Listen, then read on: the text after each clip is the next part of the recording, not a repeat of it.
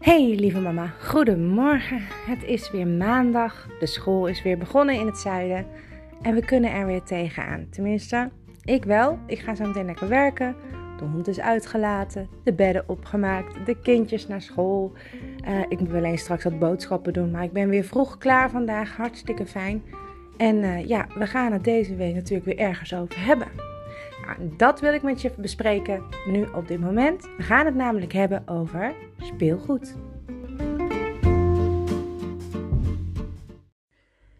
Speelgoed lijkt een heel gemakkelijk onderwerp in huis. Een best wel algemeen onderwerp zelfs, maar dat is het helemaal niet. Als je dieper graaft in de categorie speelgoed, dan zul je merken dat het onderwerp uh, ja, eigenlijk supergevoelig ligt. Waar heel veel emoties in kunnen zitten. Nou, laat me dat maar even uitleggen. Nou, speelgoed koop je voor je kind. Of je krijgt het van anderen voor je kind cadeau. Of je neemt het mee vanuit vroeger. En dit speelgoed is vaak uitgezocht met heel veel liefde.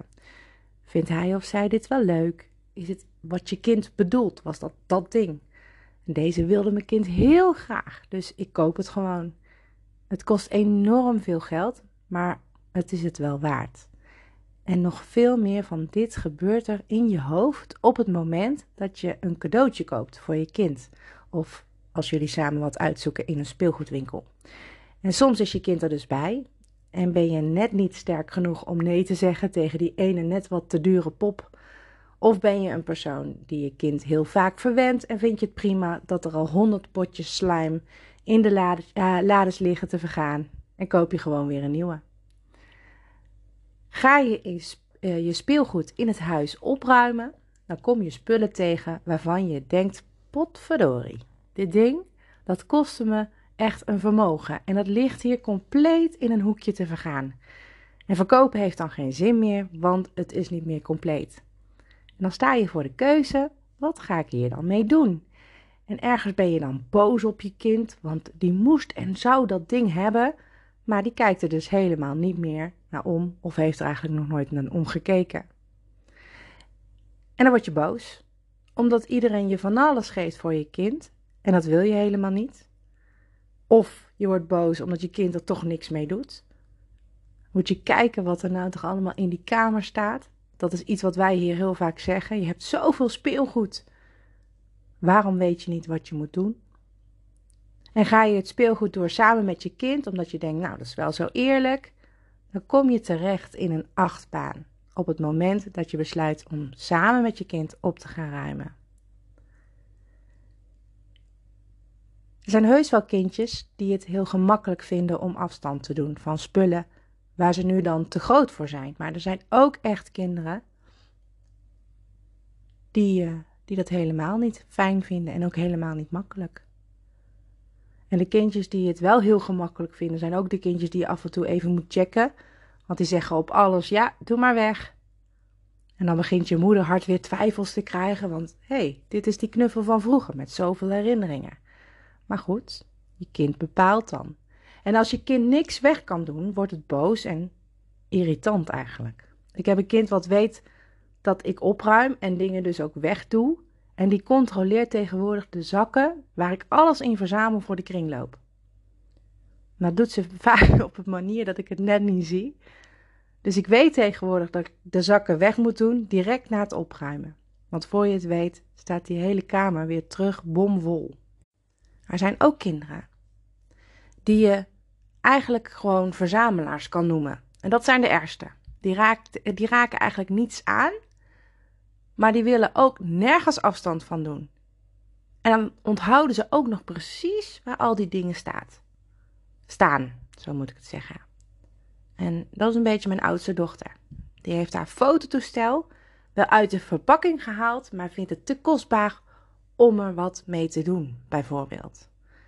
En die heeft heel veel van die ehm, verpakkingen nog, allemaal van LOL-poppen, Waar ze eerst heel erg veel mee speelden, maar nu natuurlijk niet meer. Nu is het alleen maar om het te bewaren. Die heeft 100 bollen wol. Nou, dat raakt ze dan wel aan. Maar al die andere spulletjes blijven netjes gesloten en dicht in een laadje liggen. En dat stapelt ook op. Zeker in de jaren waar ze, waar ze leeft. En ook dat is weer gevoelig. Speelgoed bepaalt dus heel veel emotie in huis. En het is wel een heel goed punt om een keertje over na te denken. En het is ook een heel goed idee om speelgoed dus echt goed te bekijken. Wat doe je ermee? Is het nodig om het te bewaren? Is het nodig om het jou die emoties te geven? Er wordt niet mee gespeeld. Gefrustreerd bijna zet je dat ding weer ergens lekker klaar voor je kind. En dan speelt het er weer even mee. En dan denk je, ja, zie je wel, speelt het toch mee.